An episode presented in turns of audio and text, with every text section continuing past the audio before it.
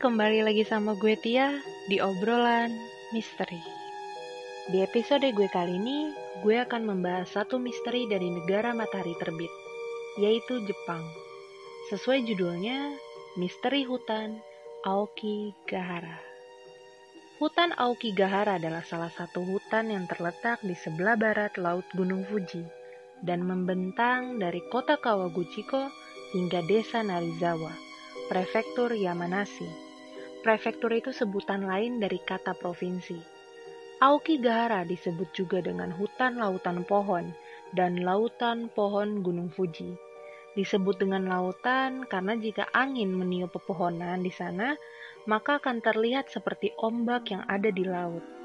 Usia hutan ini sudah cukup lama, diperkirakan berusia sekitar 1200 tahun. Struktur tanah di hutan ini mengandung batuan vulkanik yang sulit ditembus dengan peralatan seperti sekop ataupun cangkul. Tapi, di samping itu semua, ada satu hal yang membuat hutan Aokigahara menjadi terkenal, yaitu karena hutan ini menjadi tempat yang sempurna untuk mati. Begitulah orang-orang menyebutnya.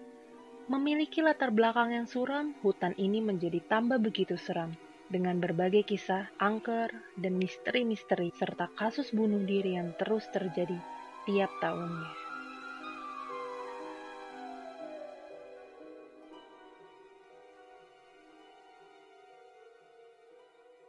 Hutan Aokigahara merupakan hutan sepi yang terletak di kaki Gunung Fuji. Hutan ini sebenarnya merupakan area yang sakral, sehingga kita tidak diizinkan mendokumentasikan apa pun yang ada di sana kecuali beberapa area. Dan bisa dikatakan hutan ini terisolasi dari kawasan pemukiman. Pada tahun 2017, ada seorang YouTuber asal Amerika Serikat yang sempat menuai kontroversi karena salah satu vlognya yang menayangkan tayangan pada saat ia berada di dalam hutan Aokigahara. Vlognya tersebut menampilkan salah satu korban di dalam hutan tersebut, mungkin tanpa sensor atau bagaimana, tapi yang pasti itu menuai kontroversi, apalagi terhadap masyarakat Jepang. Lalu, akibat ulahnya tersebut, YouTuber ini akhirnya mendapatkan sanksi dari pihak YouTube tersendiri dan secara resmi videonya sudah dihapus. Dan sang YouTuber pun langsung meminta maaf, mengadakan permintaan maaf melalui sosial media dia atas ulah tindakannya tersebut.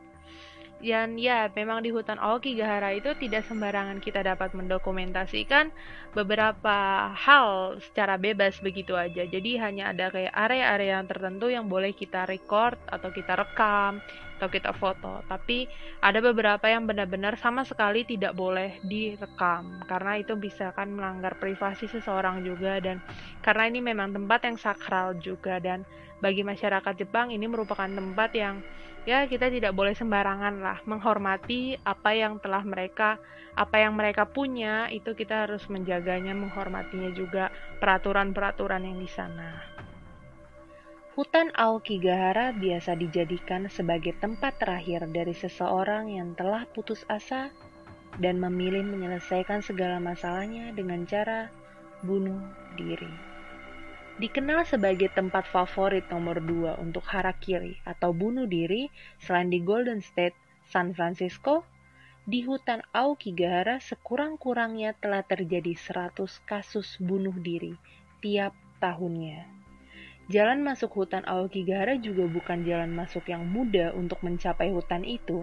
Pepohonan yang padat serta jalur pendakian yang cukup berbahaya tidak membuat mereka mengurungkan niatnya.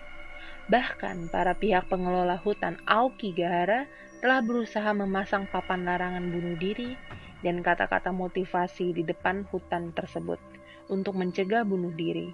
Salah satunya bertuliskan, Coba renungkan tentang keluarga dan anak-anak Anda.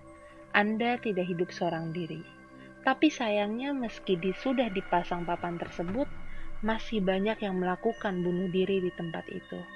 Kebanyakan pelaku bunuh diri memilih dengan cara menggantung diri mereka di atas pohon. Pada tahun 1961, hutan Aokigahara mencapai popularitasnya sejak dipublikasikan di novel horor dengan judul Naminoto, karangan Seijo Matsumoto. Meskipun jauh sebelum buku ini dikeluarkan, hutan Aokigahara telah dikenal oleh masyarakat sekitar. Ada satu cerita yang gue kutip dari kisah nyata, namun terpaksa namanya gue samarkan untuk alasan tertentu. Sebut saja namanya adalah Miss Johnson.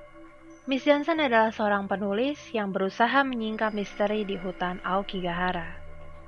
Lalu pada suatu hari, dia pergi bersama beberapa orang pemandu masuk ke dalam tengah hutan yang lebat. Namun di tengah perjalanan di dalam hutan Aokigahara, Miss Johnson mengalami kejadian yang super ganjil. Lalu secara tiba-tiba, Miss Johnson mengalami kerasukan. Dan dipercaya ia kerasukan oleh salah satu penunggu hutan Aokigahara. Dan di saat itu terjadilah beberapa dialog antara pemandu dengan Miss Johnson yang telah dirasuki oleh penunggu hutan Aokigahara.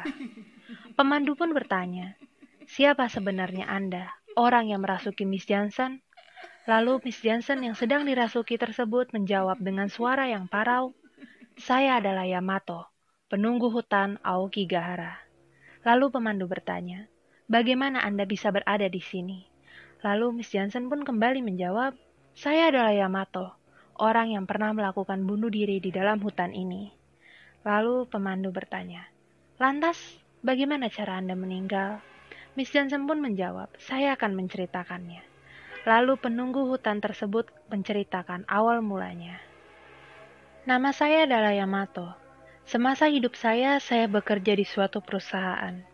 Namun, karena ada pengurangan krisis ekonomi Jepang, maka saya dipecat dari perusahaan saya dan menjadi pengangguran. Saya sangat terpukul. Karena kesulitan ekonomi, saya dan istri saya sering sekali bertengkar. Hingga suatu ketika, saya menemukan istri saya selingkuh dengan pria lain dan memutuskan pergi meninggalkan saya sendiri. Dia pun membawa anak kami. Dalam keadaan demikian, saya depresi berat dan malu kepada orang tua saya. Lalu saya memutuskan untuk bunuh diri demi kehormatan saya. Saya berjalan kaki ke tengah hutan ini dengan seutas tambang.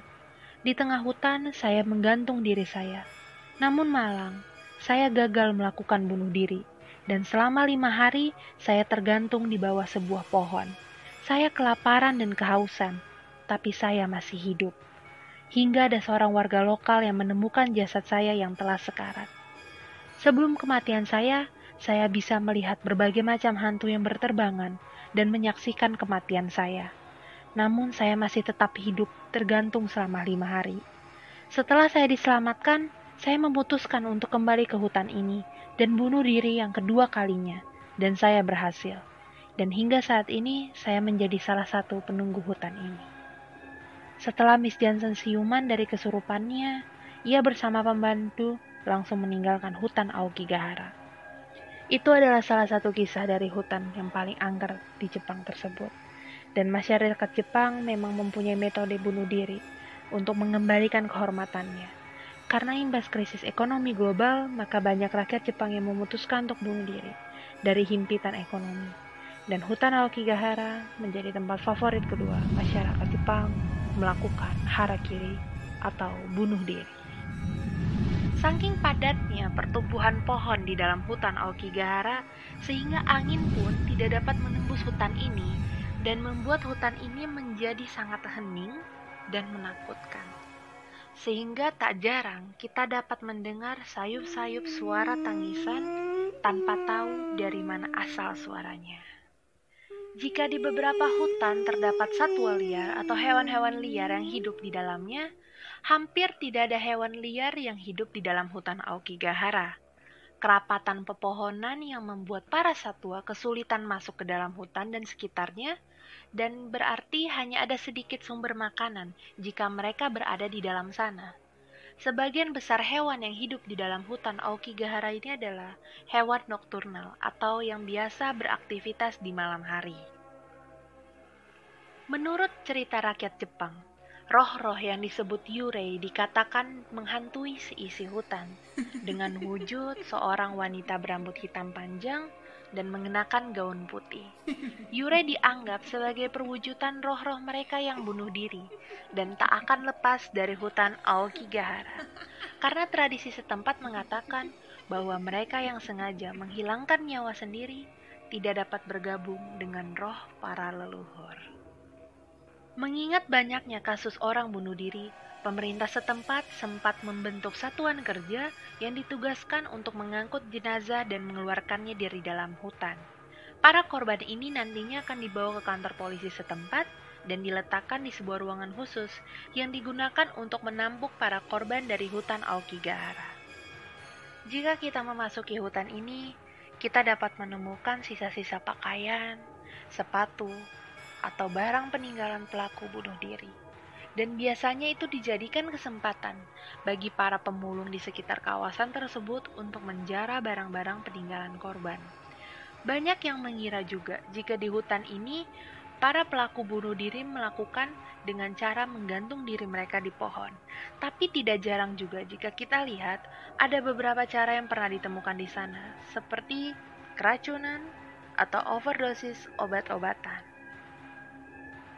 Karena lokasinya yang sangat sulit dijangkau oleh para pihak kepolisian, biasanya pihak kepolisian melakukan pencarian atau identifikasi pada musim tertentu.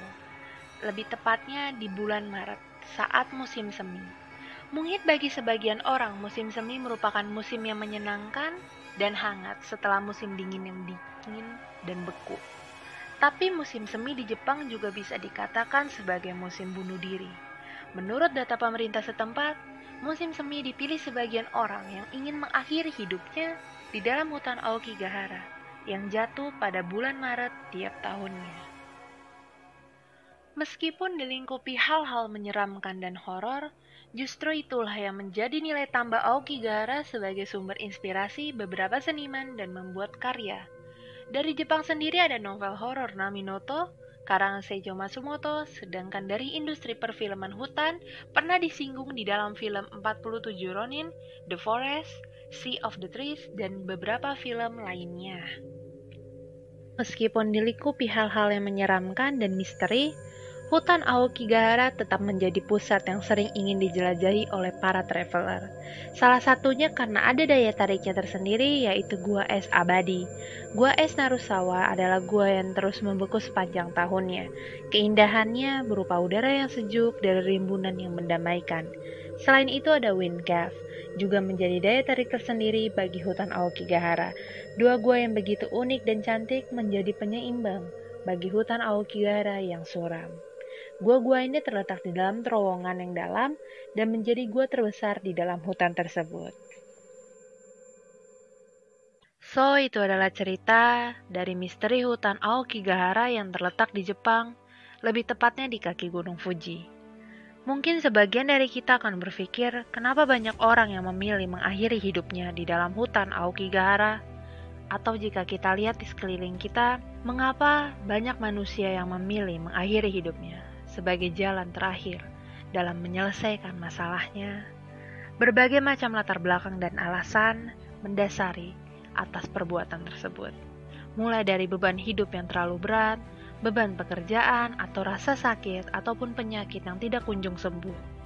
Namun apa pun alasannya, mengakhiri hidup sendiri bukanlah jalan satu-satunya. Tuhan tidak pernah memberikan kita masalah di luar batas kemampuan kita. Alangkah lebih baik jika kita mengalami masalah yang terlalu berat ataupun beban hidup yang terlalu berat, lebih baik kita mendekatkan diri kepada Yang Maha Kuasa dan meminta bantuan untuk menyelesaikan setiap masalah yang kita hadapi. Dan sekian dari gue, gue Tia, sampai ketemu lagi di obrolan misteri selanjutnya.